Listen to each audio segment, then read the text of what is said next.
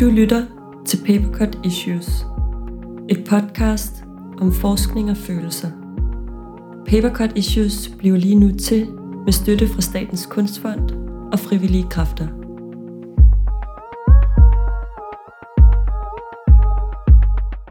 Der er noget sindssygt dydigt over det at kunne være alene. Jeg synes ofte, at det er noget, man får at vide, at man skal kunne – og mens vi på Papercut Issues har arbejdet med udgivelsen her, så har vi flere gange stødt på folk, der faktisk har sagt, at de dyrker deres ensomhed. Som om det er sådan en nærende ting for mennesket. Men lad os få én ting på plads, før vi rigtigt begynder. Ensomhed og det at være alene er ikke det samme. Ensomhed er en subjektiv følelse. Social isolation og alenehed er et objektivt faktum. De kan ofte godt være forbundet, og det er også vildt interessant, hvordan de er. Men du kan være fuldstændig tilfreds med dit liv, helt alene, og du kan være dødeligt ensom i en nok så social verden. Dette podcast er dedikeret til dig, der hverken kan være alene, ej heller sammen med nogen. Og det er det første podcast i vores større serie Alene Sammen. Igennem de næste 45 minutter vil du både høre videnskabelige og personlige perspektiver på, hvordan vi kan forstå ensomhed.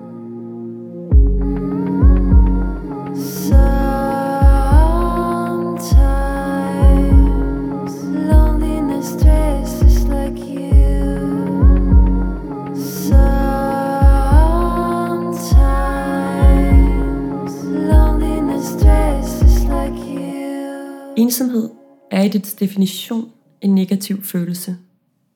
Det er ikke en sygdom, men måske mest af alt et menneskeligt vilkår.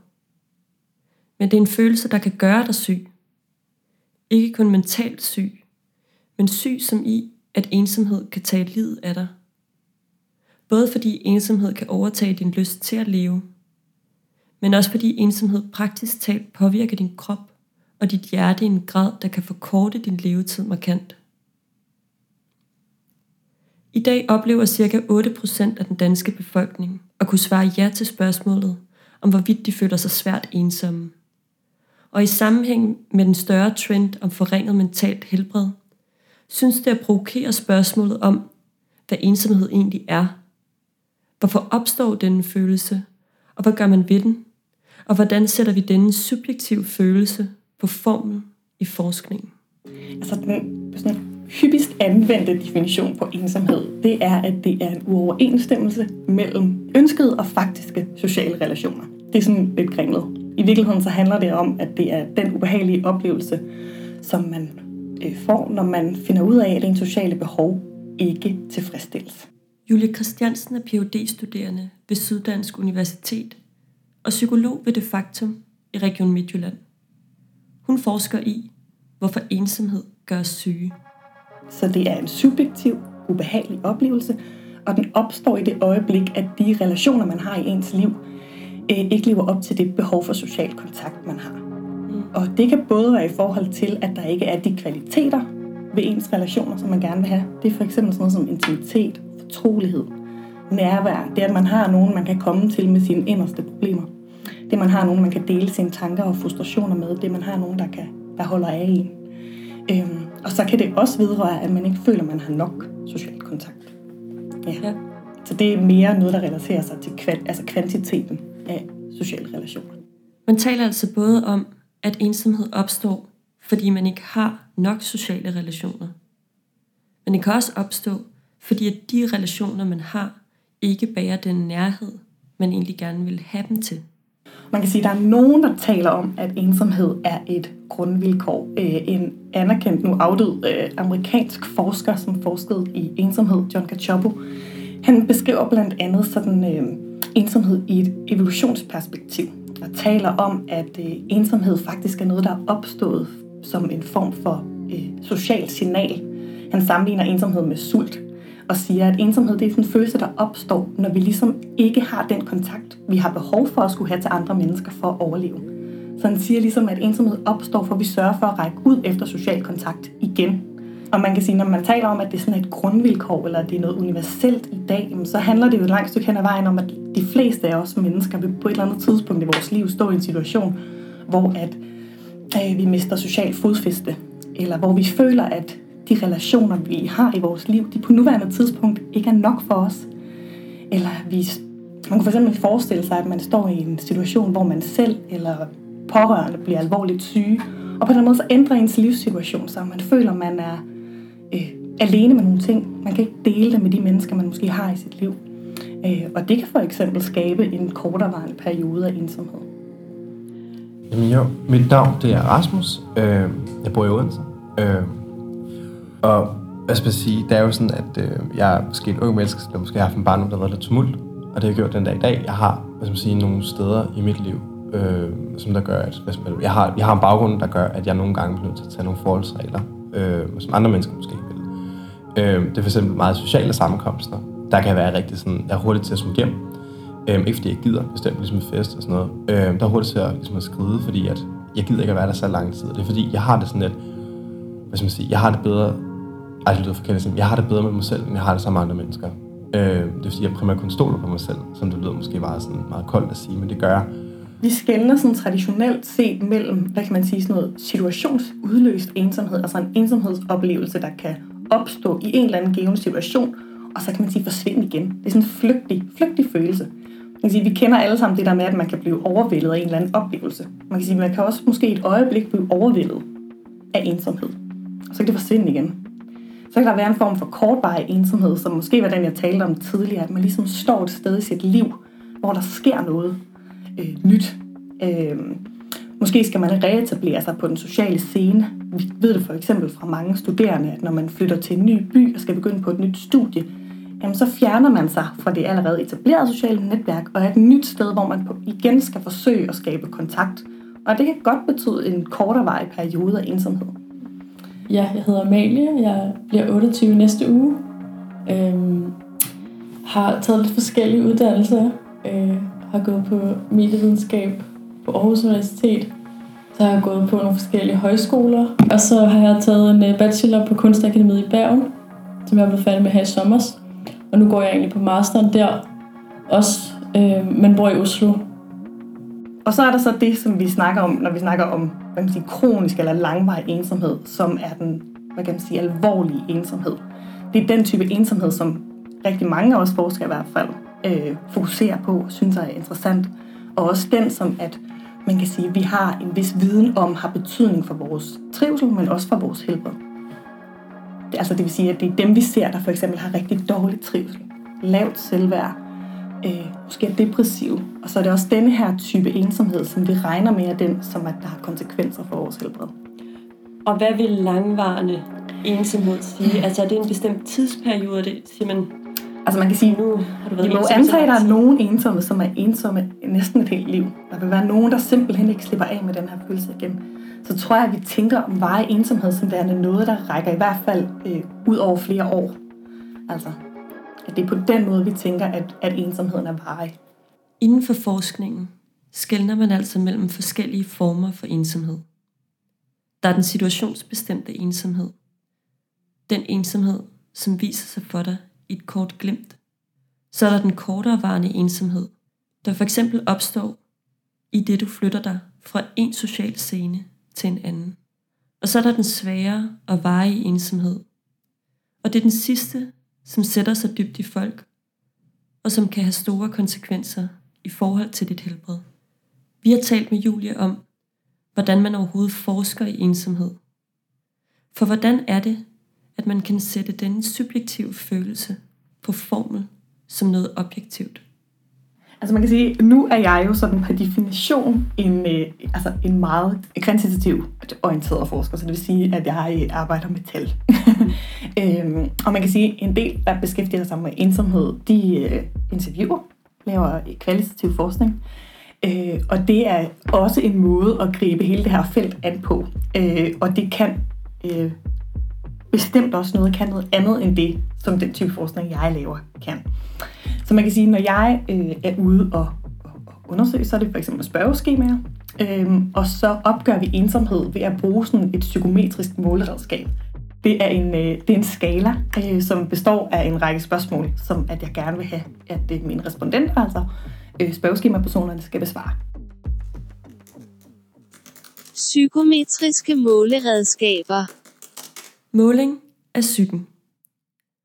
Psykometri er betegnelsen for den videnskabsgren, der beskæftiger sig med generelle, teoretiske og metodologiske principper ved måling af mentale egenskaber og tilstanden hos os som enkelte individer.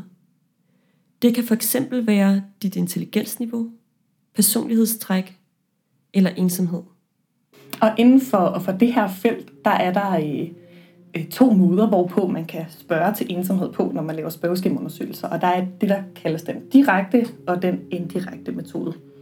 Når man anvender den direkte metode, så spørger man direkte ind til, om folk de føler sig ensomme, eller hvor ofte folk de føler sig ensomme. Så det kan for eksempel være et enkelt spørgsmål, hvor man simpelthen spørger, øh, hvor ofte føler du dig ensom, og så besvarer, øh, hvad hedder det, respondenterne på det spørgsmål. Øh, så er der nogle prædefinerede svarformater, altså nogle kategorier, de kan svare på. Hvor ofte føler du dig ensom? Aldrig, sjældent, en gang imellem eller ofte. Så kan man også bruge den metode, der hedder den indirekte metode, hvor at man oftest har en række forskellige udsagn, altså en række forskellige spørgsmål, som, øh, hvor ingen af dem sådan reelt set berører ensomhed. Det vil sige, at der er ikke noget spørgsmål, der hedder, øh, jeg er ensom, eller jeg føler mig ensom. Øhm, og de spørgsmål, de øh, måler, eller de øh, måleredskaber måler graden af ensomhed. Øh, og så er de lidt lettere at svare på spørgsmålene. Og med lettere, så taler jeg om, at det er lettere at vedkende sig et eller andet givet udsagn. Fordi det at være ensom er jo faktisk enormt stigmatiserende. Social desirability bias. Social Desirability Bias. Respondenter besvarer undersøgelser i forhold til, hvad der er socialt acceptabelt, frem for, hvad man reelt mener. Jeg tror også bare, at ensomhed er sindssygt tabubelagt ord, som vi sådan forbinder med noget negativt, og med noget, som er sådan... Det har man jo ikke lyst til at sige, man er, eller sådan... Og man synes, at det er synd for nogen, som er det, eller sådan... Det er jo ligesom... Åh oh, gud, nej. Jeg kan også bare mærke nu her med sådan det her ligesom... Øhm, alt det, jeg har sagt nu i løbet af det her, øh, den her samtale, har også været meget sådan jeg, jeg, jeg kan mærke, at jeg helt sådan lige tænker sådan, at jeg skal huske at være ærlig, altså bare med mig selv. Altså sådan, hvordan er det egentlig, jeg har det? Eller sådan, er det, fordi jeg bare sådan ikke vil fremstå som en fucking ensom taber over for de her to kvinder, som jeg ikke kender, men som jeg ligesom, jeg vil jo gerne fremstå, man vil jo gerne fremstå som en ligesom en velfungerende person, og det synes jeg helt klart også, jeg er. Men igen, jeg vil bare, eller sådan, det havde været virkelig, det er virkelig sådan, vigtigt, tror jeg stadig, at være ligesom ærlig omkring det her med ensomhed, og jeg er mega ensom, men, det, men jeg er okay. Eller sådan. Det ligger tilbage til, at jeg havde en mor, der var voldelig. Øhm, hun var rigtig meget psykisk vold, rigtig meget fysisk vold. Øhm, og det blev rigtig meget til sidst, fordi at når du går med den der tanke om, at du elsker din mor, det gør jeg jo rigtig meget, jeg elsker din mor på jorden, øhm, så vil du ikke væk fra hende. Men du vidste også godt, fordi din mor hele tiden sagde til dig, at hvis det var, at du gik op og sagde noget, sådan lærer, eller fandme af kommunen, de fandt ud af det, så ville jeg miste min mor. Og det gjorde ligesom, at, at dem, når man så har det dårligt derhjemme sammen med sin mor, så siger man ikke noget til nogen, man får ikke nogen mulighed for at snakke med nogen om det, så man lærer ligesom at håndtere sine problemer selv. Øhm, og hvis man siger, når, man, når man lever det, så, når man selv kommer op i skolen, og man ikke, ikke ved, at man ikke må sige noget til nogen, fordi man ikke miste sin mor, så siger man ikke noget, så beholder man sig sådan meget sådan, man er god til at opdigte historier om, hvad der sker i ens liv, for at gøre det lidt mere eksotisk, lidt mere flot. Øhm, så. Har du svært ved nu nogle gange at adskille løgnen og sandheden? Mm, det har jeg. Det har jeg. Øhm, og det er jo også det der, altså sådan, hvad skal man sige, det er jo eksempelvis nu, jeg har rigtig mange problemer, jeg kan huske noget. Øhm, nu var jeg nu gik jeg i sådan noget rådgivning, øh, og det gik jeg over et år. Og det var det jo sådan noget, jeg fortalte alt, hvad jeg kunne til at starte med, øh, om hvad der var, der var sket. Jamen, det var sandheden. øh, og det var også det der med, altså man, man, kommer, man, man fortæller stadig nogle ting, der ikke er rigtige. Det gør man. Øh, og når man så lige pludselig kommer et, et år efter, og så faktisk får alle historien sammen, både det, der er rigtigt og det, der ikke er rigtigt, så kan man ikke huske nogen af dem. Fordi man har blandet det hele så meget sammen, og man siger bare til sig selv, det hele det er bare en løgn væk med det. Ikke? Og det er lidt det der, det, jeg kan kun huske min, min baggrund, fordi det hele er skrevet ned på et stykke papir. Ikke? Ensomhed er så tabuiseret et emne, at man inden for forskningen prøver at finde sin vej omkring det faktum, at vi som mennesker ikke ønsker at vedkende os følelsen. Det gør man blandt andet gennem den indirekte metode. Der findes mange forskellige typer af skalaer til at måle ensomhed. Men UCLA er det mest anerkendte og mest anvendte spørgeskema. Det består af 20 spørgsmål. Uden at nævne ordet ensomhed, spørger man ind til forhold, man har erfaret ofte er beslægtet med følelsen af ensomhed. På den måde kan man ikke sige, om folk direkte føler sig ensomme eller ej, men man kan sige noget om graden af ensomhed. UCLA Loneliness Scale er ligesom guldstandarden for måling af ensomhed, og der er ligesom konsensus om på feltet, at det er denne her metode, vi bruger. Den er brugt i et utal af forskellige øh, øh studier, og, og øh, den er også lavet i en kortere version kaldet TILS, som består af bare tre udsagn, som ret ofte benyttes i større befolkningsundersøgelser, hvor man simpelthen ikke har plads til at have 20 forskellige spørgsmål med. Og jeg tænker, at generalisere eller standardisere en så subjektiv følelse, hvordan, hvordan, kan det lade sig gøre?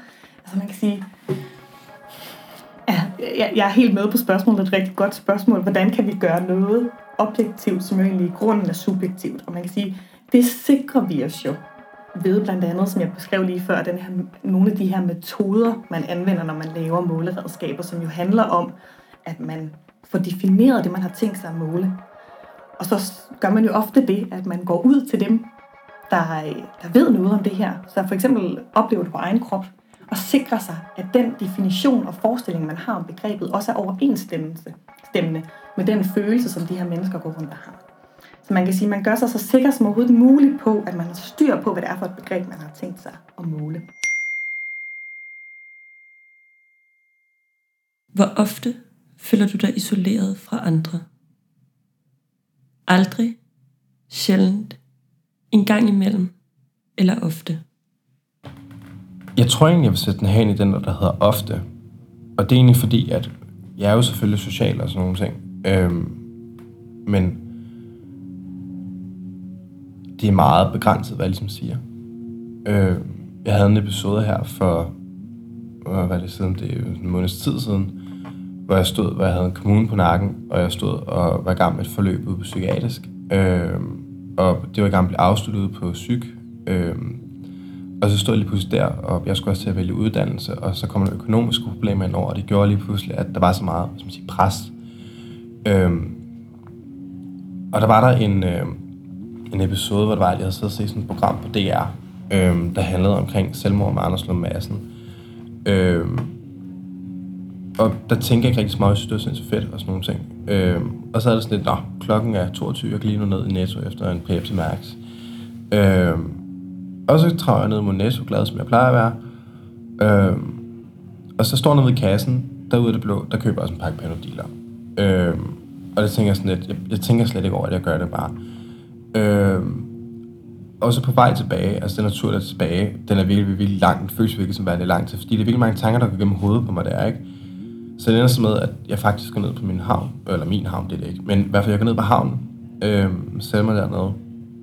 Og der er så fået at vide fra for eksempel min, min psykiater, at jeg skal ringe til psykiatrisk skadestue, når jeg får det dårligt. Det skal man selvfølgelig opfordre andre til også at gøre, ikke? Det tænker jeg lidt, det gør jeg, men jeg vil heller ikke jeg vil gerne æde de piller her. For jeg ved så godt, at en pakke panodiler, den gør ikke skade. Og det er lidt det der, så sidder jeg dernede, og så før jeg tager de piller der, så ringer jeg så til øh, psykiatrisk skadestue. Og jeg har det også lidt, jeg vil ikke have nogen venner ind over det her, så jeg vil gerne have nogle mennesker, der ikke kender mig ind over. Øh, for i virkeligheden, jeg vil bare ringe til dem, jeg vil ikke derud, ud på psykiatrisk, det vil jeg ikke. Så jeg ringer til dem, og så sidder jeg altså der, og de tager ikke telefonen. Og jeg sidder og venter i 10 minutter, og telefonen er blevet taget nu. Og så tænker jeg sådan, fuck, Øh, så lægger jeg på. Og så kommer man sådan lidt i panik ind i sig selv, og det kan jeg huske, at jeg går sådan lidt sådan, øh, hvad sker der, ikke? Så sidder jeg virkelig og kigger på den der pakke der, og så tænker jeg, hmm, skal jeg ringe til nogen med venner og sådan noget, og så tænker jeg sådan, ah, nu skal jeg op i skole i morgen, ikke? Så jeg ringer til livslinjen, og øh, det ender så med, at jeg sidder også bare der og venter. De tager ikke telefonen. Så jeg har nogle, faktisk har nogle, som prøver at komme igennem til livslinjen, så jeg har prøvet at ringe rigtig mange gange. Øh, jeg har også prøvet at snakke med dem. Og så øh, sidder jeg og venter, og jeg venter og venter og venter, og der sker ikke noget. Og så, øh, ringer jeg sådan, det bliver sådan virkelig sådan, man går jeg går virkelig sådan i panik på en måde, fordi er det virkelig det her, jeg gerne vil, men det er sådan, det vil jeg gerne, men, men er det virkelig det, ikke? Så man kommer virkelig sådan en konflikt med sig selv, og det gjorde jeg. Og jeg havde mere med lyst til at ringe til, til Melanie på det tidspunkt der, øh, men jeg ville gøre det, hvis hun skulle i skole i morgen, og jeg havde virkelig heller ikke lyst til at snakke med hende om det. Så jeg ringer så til børnetelefonen, og der sidder der og snakker, hun havde pisse jeg snakker med, og vi bliver bare helt sådan afbrudt af systemet, der går ned, ikke? Og til sidst går der systemet helt ned, og har det sådan lidt, og det er virkelig en forfærdelig holdning at have. Man kender altså godt den der holdning der med, at man, man har det sådan lidt som om, at ting skal have en mening. Ting skal have en grund. Øhm, og der har det sådan på det tidspunkt der. Så det jeg faktisk gør, det er, at øh, man tager en sidste chat, der tilbage med mig, så skyller de der piller derned. Og så går jeg op og lægger mig til at sove. Og så øh, vågner jeg næste morgen så vildt overrasket selv. Det er det jo ikke engang, men det er sådan lidt det der, når jeg er pisse depressiv dagen efter, ikke siger noget til nogen. Og så, øh, så går dagen egentlig bare, som det skal. Altså, du er egentlig ikke, jeg havde ingen plan om at tage, tage, tage flere piller på én gang over nogle dage, ikke? Men, men det gjorde jeg ikke, eller grund, det var et andet holdt mig tilbage, ikke? Øh, men jeg sagde ikke rigtig sådan noget, noget til nogen før sådan et par uger efter. Altså, det var sådan, der var ikke nogen, der skulle vide noget omkring det. Fordi jo længere væk det kommer, jo mere kan folk også tage afstand fra det. Man tror måske, at man er sådan lidt, som sige, hypokonter-like, ikke? Hvis, det er, at man, hvis man tager kontakt og spørger om hjælp, ikke? Og den ligger rigtig dybt i mig. Er det bare mig, der gør det her, fordi at jeg er hysterisk? Gør, det, gør jeg kun det her, fordi jeg gerne vil have opmærksomhed, eller gør jeg det faktisk, fordi jeg har det dårligt? Det er sådan en af de to ting, der sådan bider rigtig meget i mig. Så jeg siger ikke rigtig noget til nogen, men jeg har så prøvet den her samling her med psyk at få en socialrådgiver ind over øh, med ud, så vi kan få arrangeret et eller andet forløb. Ikke? Men jeg kan også godt mærke, at jeg får ikke rigtig noget ud af det. Fordi for mig, der behøver jeg ikke rigtig have sådan noget vild behandling og sådan nogle ting. Det behøver det ikke rigtig. Det behøver egentlig bare, hvis man siger, at jeg har nogen at snakke med. Fordi jeg går meget for mig selv. Jeg har ikke nogen familie. Øh, som i juletid, der ved jeg heller ikke, hvor jeg holder jul nu og sådan nogle ting. Og man kommer i den der, hvad man siger, diskussion der med sig selv om, om og det er virkelig ikke bare det, at bare sige fuck it, og så bare skride. Altså, og det er sådan lidt, altså, man gider ikke at kæmpe med til sidst, og det er også kommet, jeg gider virkelig ikke at kæmpe med. Altså, jeg prøver virkelig at komme ud af den der kaste, jeg, jeg føler mig så lukket inde, ikke? Jeg tænker, at nogle af dem, der bliver ensomme, fordi der sker et eller andet i deres liv, nogle af dem fortsætter jo også med at være ensomme i lang tid efterfølgende. Og der tænker jeg, at vi som menneske i det her samfund, vi er i, kan gøre en indsats. At vi kan være særlig observante på, at der er nogle særlige begivenheder i folks liv, hvor man altså skal være ekstra øh, opmærksom på at gøre en indsats. Hvis at man har en studiekammerat, hvis far går bort, så måske ikke være så bange på at række ud. Hvis man har en kollega eller en medarbejder, som bliver skilt eller bliver alvorligt syg, at vi ligesom har et netværk omkring os, der tør at tage vare på os i de her situationer, hvor vi ved, at der er særlig risiko for, at man får det dårligt, og ikke kun i forhold til ensomhed, men i det hele taget får det dårligt, mistrives og synes livet er rigtig hårdt. Øhm, så det her med, at vi bliver mere opmærksom på hinandens mentale tilstand, og hvordan, hvordan vi har det, når der sker et eller andet omvæltning i vores liv. Ja. Så du snakker faktisk også lidt der om, om vores måske en mere strukturel indstilling. Ja, også, eller måske en berøringsangst, Ja. som der er til stede. Altså prøv, øh, prøv at forestille dig at spørge et andet menneske, om du føler dig ensom. Jeg tror, de fleste af os vil synes, det er mega grænseoverskridende. Gå over til en anden og sige, øh, føler du dig ensom? Eller har du faktisk de sociale relationer i dit liv, som du gerne vil have? Mangler du nogen at tale med? Altså, man kan selv mærke næsten det der ubehag ved at skulle stille det spørgsmål til et andet menneske. Og før vi kommer væk fra det, så er det i hvert fald rigtig svært at gøre noget.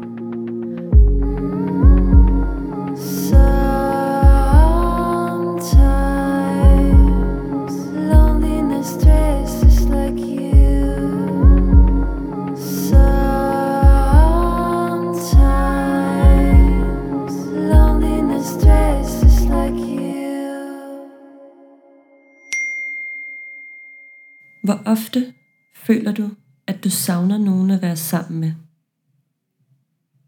Aldrig, sjældent, en gang imellem, eller ofte. det er lidt svært, fordi det er sådan lidt... Jeg tror, jeg vil putte ned, den der hedder sjældent. Øhm, øh, fordi jeg ved jo egentlig også godt, at man bare, hvis man siger, jeg kan jo bare ringe til folk. Det kan jo være. Altså, så kan jeg jo sagtens være folk, sammen med folk. Øhm, men på den anden side er der også det der, hvad skal man sige, det er også sjældent, jeg faktisk reelt gør det, ikke? Øhm, fordi det, er ikke, altså det er jo ikke noget problem at sige til folk bare sådan noget, hey, skal vi ikke lige tage smut i byen? Øhm, det kan jeg sagtens og sådan nogle ting. Øhm, men det er rigtig sjældent, jeg gør det. Øhm, og det var også det derfor, som i dag, der skulle herud, ikke? der var sådan, der stod jeg, og så kom bussen derude, ikke? Øhm, og jeg virkelig sådan virkelig ubehageligt, hvor mange mennesker det bus var. Det var virkelig ubehageligt. Øhm, var lige for fat i med veninder, mine og lige ringe til hende. Øh, bare, lige, bare lige for at snakke med hende egentlig, ikke? Øh, og det gør det lidt mere, hvad skal man sige, det gør det godt på en eller anden måde, men der er også, hvad skal man sige, gange, hvor det er, at, hvad skal man sige, jeg ikke rigtig gider at være sammen med nogen. Altså, det er faktisk rigtig tit. Altså, så jeg føler mig rigtig sjældent, jeg savner nogen at være sammen med. Jeg har egentlig, hvad skal man sige, jeg lever bare i mig selv på en eller anden måde, ikke? Så Øh, hvor ofte savner du nogen at være sammen med? Mm, det tror jeg er ganske ofte faktisk, vil jeg sige. Øh, altså det snakker jeg også om før, men den der følelse af sådan der, lige et eller andet moment, hvor det igen er sådan, det er på min præmis, jeg har brug for ligesom at blive bekræftet, eller, eller sådan have en eller anden social relation, relation i lige i det sekund. Sådan, øh, det kan være sådan flere gange i løbet af en dag, at man er sådan, ser et eller andet, eller tænker på et eller andet, eller sådan. Jeg kører jo konstant, ligesom, man har alle tanker og sådan. Og så, så det vil jeg faktisk sige ofte. Men igen, så ville det være sådan, at jeg lige skulle ligesom have personen i det sekund, og ligesom briefe et eller andet, og så kunne vi egentlig bare gå hver til sidst igen, måske, eller sådan. Og den, det havde, har man jo meget, når man for eksempel er meget på en skole, eller et eller andet andet sådan fællesskab på et atelier, eller sådan noget, så vil man jo have meget den der sådan, hurtigt kan ligesom få kontakt til nogen, og så trække sig tilbage og sådan noget. Så det føler jeg, jeg savner nu, hvor jeg ligesom ikke har det på samme måde. Men jeg tror, jeg, eller sådan, jeg tror også, jeg er sådan, jeg, hvad hedder det, øh, hvad, hvad kalder man det? Sådan der, fremtvinger det nogle gange. Jeg fremprovokerer det også nogle gange, sådan der, hvis jeg ligesom har en følelse, jeg ikke rigtig kan sætte ord på, sådan noget, så tror jeg også, jeg kan sådan der, men det er måske ikke en følelse af ensomhed, men mere sådan der melankoli, eller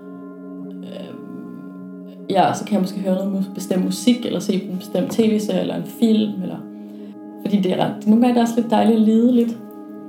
Men det er måske også bare lidt den der sådan kunstnerkliché. Skal jeg lide lidt. ja. Ensomhed handler om et socialt behov, der ikke bliver tilfredsstillet. Det, og det behov, det er jo forskelligt fra person til person. For nogle mennesker, der kan man have et behov for at have helt vildt mange venner. Og man kan sige, kvaliteten af relationerne er måske ikke nær så vigtig. Ja. For andre mennesker, så kan det være helt vildt vigtigt at have nogle meget, meget få relationer, som er enormt tætte. Hvis man ikke har det, så føler man sig, man sig ensom. Social isolation er noget andet. Det er per definition noget objektivt. Det vil sige, det handler alene om, hvor mange kontakter du har. Du er socialt isoleret, hvis du ikke har nogen sociale kontakter. Altså, hvis du i din dagligdag ikke omgås andre mennesker, så er du socialt isoleret. Så man kan sige, at man kan godt være socialt isoleret, uden overhovedet at føle sig ensom. Det vil man for eksempel gøre, hvis ens sociale behov det er, øh, det er ikke særlig stort, og man for eksempel trives med at være alene. Og det har vi jo eksempler på alle mulige steder, både i forskellige kulturer, og, men også igennem historien. Nogle mennesker ser vi jo flytter helt øh, øde steder hen for bare at være dem selv, fordi de trives i deres eget selskab, og ikke har behov for at være i kontakt med andre mennesker. De er ikke nødvendigvis ensomme, men vi vil karakterisere dem som værende socialt isoleret. Mm. Okay, så på den måde skældner vi faktisk. Men hvor er det så, de, hvor er det, de overlapper? Hvordan er det sådan, Altså de man kan sige, forbindes i, i forskning? Ja, det er, ja, det er ret interessant, og man kan sige, det handler jo et langt stykke hen ad vejen om, at selvom vi siger, det er to forskellige ting, så er de jo på en eller anden måde relateret til hinanden alligevel. Og det er jo fordi, hvad kan man sige, begge dele handler om vores kontakt til andre mennesker. Derudover så ved vi jo også, at mange af dem, der føler sig ensomme, heller ikke har særlig mange kontakter, så der er jo også et overlap. Man kan sige, at vi ved, at der er nogen, der er ensomme, men ikke er socialt isoleret. Og så ved vi også, at der er nogen, der er socialt isoleret, uden at være ensomme. Men der er jo også en stor gruppe af mennesker, som er begge dele. Og de er ret interessante. Bare jeg er vokset op med Beverly Hills og Friends og sådan noget, at ligesom sådan, det må være en vennegruppe. Eller sådan, det er sindssygt vigtigt. Ja, og det er sådan, har du ikke nogen venner? Nej, der må du virkelig gå ud og få nogle venner. Fordi det er sådan, det er ja.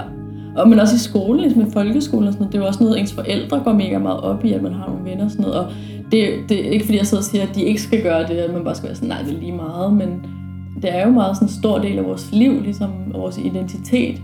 Og det, det har jeg også tænkt over, ligesom med, da jeg startede på skole i Bergen, så var det på en måde sådan, der var jeg 25, og havde ligesom, der har man, har man jo ligesom både gået folkeskole, gymnasiet, og jeg havde gået på alle andre skoler også og sådan noget, så man, indforstået, at jeg ville have haft mødt en masse mennesker, før jeg nåede derhen.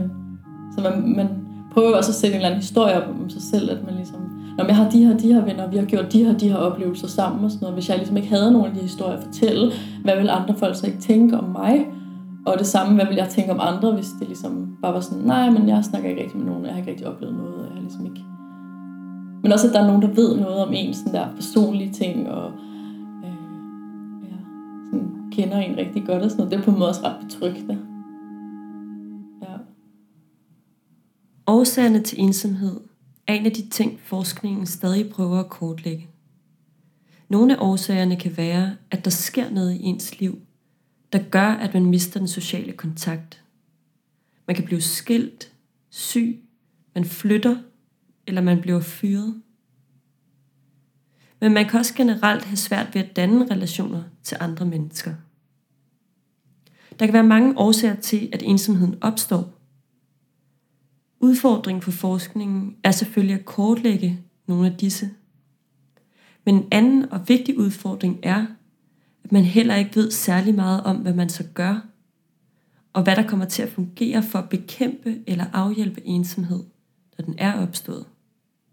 For det er sådan, at lige nu der findes der et utal af initiativer, også her i Danmark. Kommunale initiativer og initiativer, som er i gang sat af frivillige organisationer. Rigtig, rigtig mange vil gerne gøre noget for ensomme. Og det er skønt, og det er nødvendigt, og det er vigtigt. Problemet ved det er bare på nuværende tidspunkt, at vi faktisk ikke helt skarpe på, hvad der præcis skal til, for at vi kan hjælpe folk, der føler sig ensomme. Og rigtig mange af de initiativer, som der bliver sat i værk, og rigtig mange af dem, der eksisterer på nuværende tidspunkt, de har sådan en grundantagelse om, at det vi skal gøre, det er at sørge for at sætte personer, der føler sig ensomme, sammen med andre, der også mangler et socialt netværk, og så håber vi på, at de gode venskaber, de blomstrer op. Øh, og det er en fin tanke, og det virker også intuitivt logisk.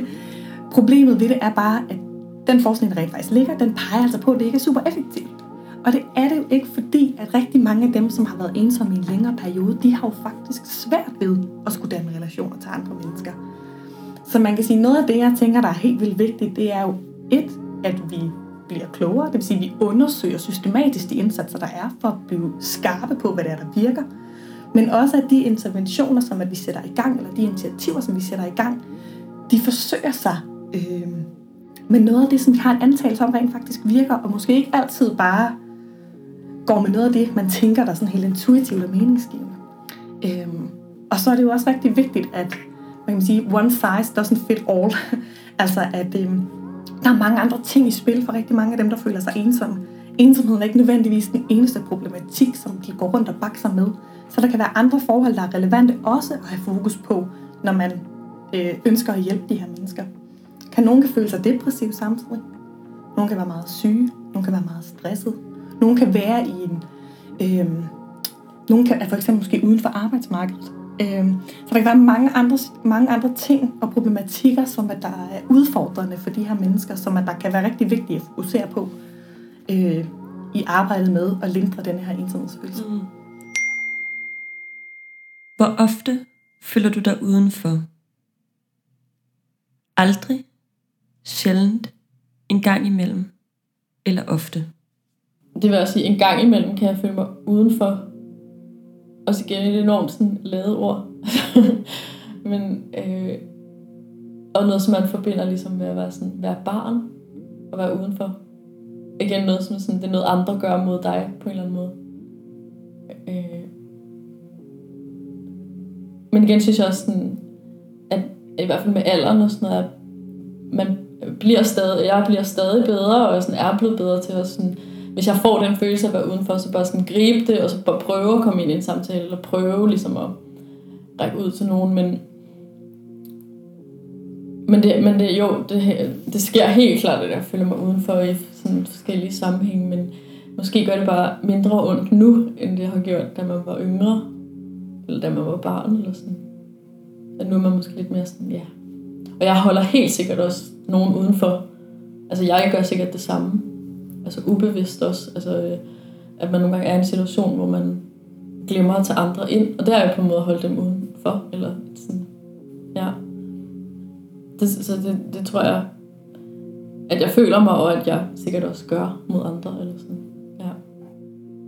Det, ja eller jeg har altså sådan, jeg har en vild ambivalent med det der, for det kan både være ligesom igen sådan, ja, ja, ja, det er noget andre gør, men igen så er det sådan, man kan altid være den der offerrolle, ikke? og bare sådan, man kunne jo bare bryde med det, men det er sindssygt svært nogle gange, eller sådan, men jeg tror, jeg er sådan altid ligesom, igen bare fordi det, det er mig selv, og jeg er ligesom et, med den, sådan, med den måde, jeg opfatter mig selv på, så burde jeg være en person, der kunne bryde med de ting, eller sådan, jeg kunne bryde med, hvis jeg følte mig isoleret eller udenfor, eller sådan, det kunne ligesom være mit eget ansvar, og ligesom bare tage noget initiativ, eller øhm, ja, kaste mig ud i det, eller sådan. Men alligevel kan det være sindssygt svært for mig også, og sikkert for rigtig mange mennesker. Ja. Helt sikkert blive bedre til at også blive opmærksom på andre, og sådan, hvordan andre opfatter en situation, eller hvis de føler sig udenfor, eller sådan, hvis man øh, genkender sig selv i det.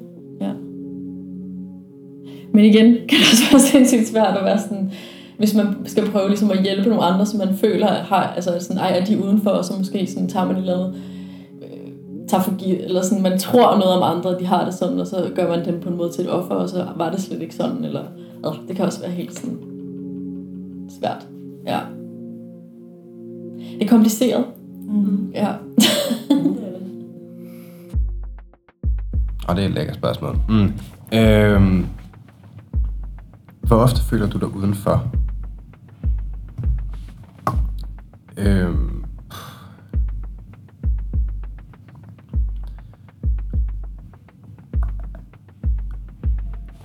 hvad skal man sige? Det må nok være ofte faktisk, fordi hvordan skal jeg vende den? Øhm, sige det på. Øh, det er fordi, at ofte når jeg er i, hvad skal man sige, i, hvad skal man sige, episoder, hvor der er, at jeg er sammen med mine venner og sådan nogle ting, øh, er det meget begrænset, hvad vi faktisk reelt set snakker om. Øh, og det er fordi, at hvad skal man sige, jeg har altså, alt det med folk barndom og så videre, men det har også gjort, hvad skal man sige, jeg har mistet nogle sociale kompetencer. Øh, og det gør nogle gange, at jeg sådan kan være sådan lidt, nej, det er sådan, vi gør, og sådan nogle ting, ikke? Øh, og der er rigtig mange ting, jeg sådan, hvad skal man sige, jeg lader være med at spørge om hjælp, men jeg bare prøver selv at finde ud af det. Øh, og det er sådan lidt, nogle gange kan man også mærke det der med, at hvis der, man har det dårligt og sådan noget, man ikke rigtig tager fat til folk. Øh, så begynder folk jo automatisk, hvis man skubber folk væk, begynder de også at trække sig. Øh, og så står man sådan lidt tilbage der, sådan lidt alene. Øh, og det har jeg, hvad skal man sige, sådan kan jeg godt tit have det egentlig, den der med, hvis man prøver at skubbe folk lidt væk, og så skriver de ikke helt til dig og sådan nogle ting. Det er rigtig sjældent, de gør det. Øh, du bliver nødt til selv at gøre det. Og det er også det der for eksempel, at når man er et, hvad man sige, et sted, hvor jeg ikke rigtig nogen mennesker, jeg kender, øh, hvad skal man sige, jeg føler rigtig tit sådan, for folk som kigger på mig, øh, ofte med et dømmende blik. Øh, og det er jo, hvad skal man sige, det er ikke skide fedt. Og det tror jeg også, lidt det der med, hvad skal man sige, ens angst, den, min angst i hvert fald, den udspringer af til dem ikke at være, hvad skal man sige, ikke at være, hvad skal man sige, i øjnehøjde med dem. Og så på en eller anden måde, fordi jeg er væsentligt længere nede. Øh, fordi jeg mangler selv så mange ting, og det er ikke, altså jeg prøver også at gøre mig bedre hele tiden, ikke? men det er også det der, man holder sin kæft, når der er noget, man er i tvivl om. Det gør man. Og det gør jeg rigtig meget. Øh,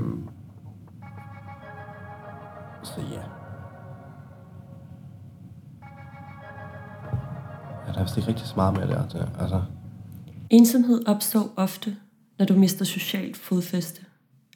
I dag er kirkeskat, søndagsgudstjeneste, kernefamilie, 25 års jubilæum på arbejdspladsen og diamantbryllup byttet ud med licens, Netflix, deleforældre, projektansættelse og Tinder. Så hvad sker der, når de gamle og givende sociale strukturer er i opløsning, men overtages af nye?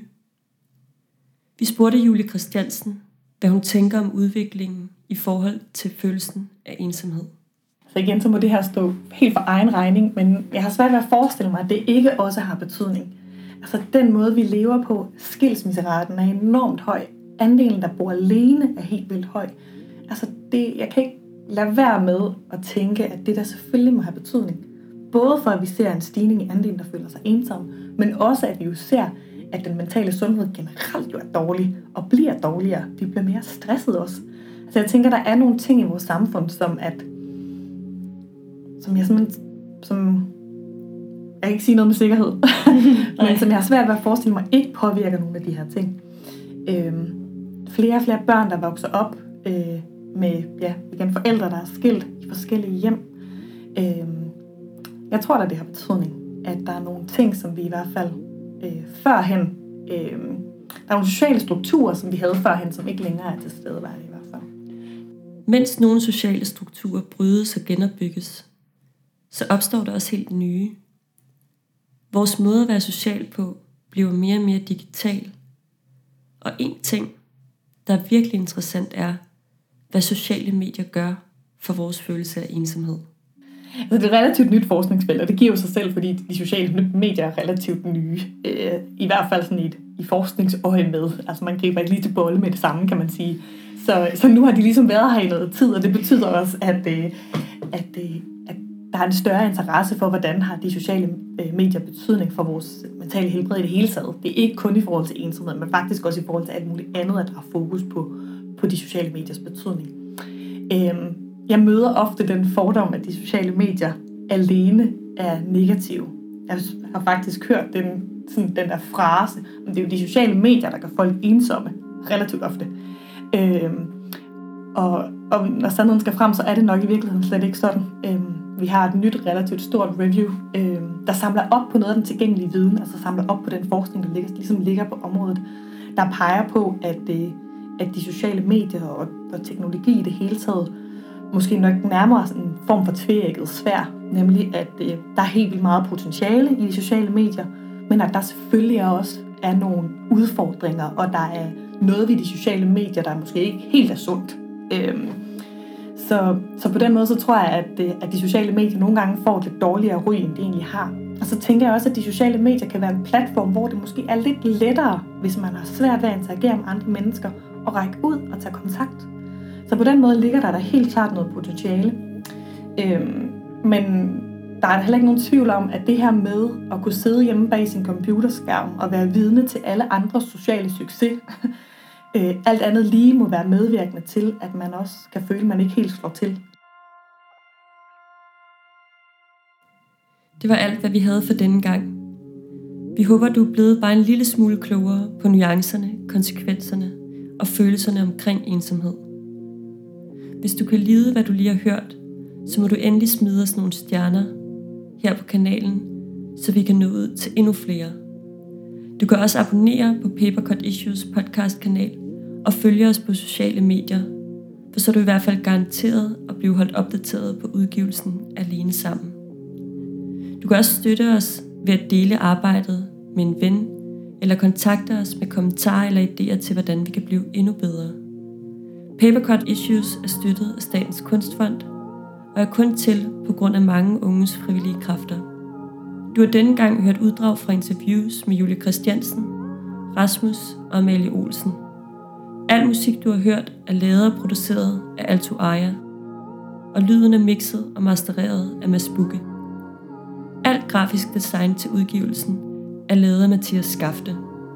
På redaktionen er vi Frederikke Lind, Christina Voldstrup, Amanda Bøtger og jeg. Jeg hedder Christine Letschütze, og jeg vil gerne sige tusind tak, fordi du har lyttet med til Papercut Issues første podcast.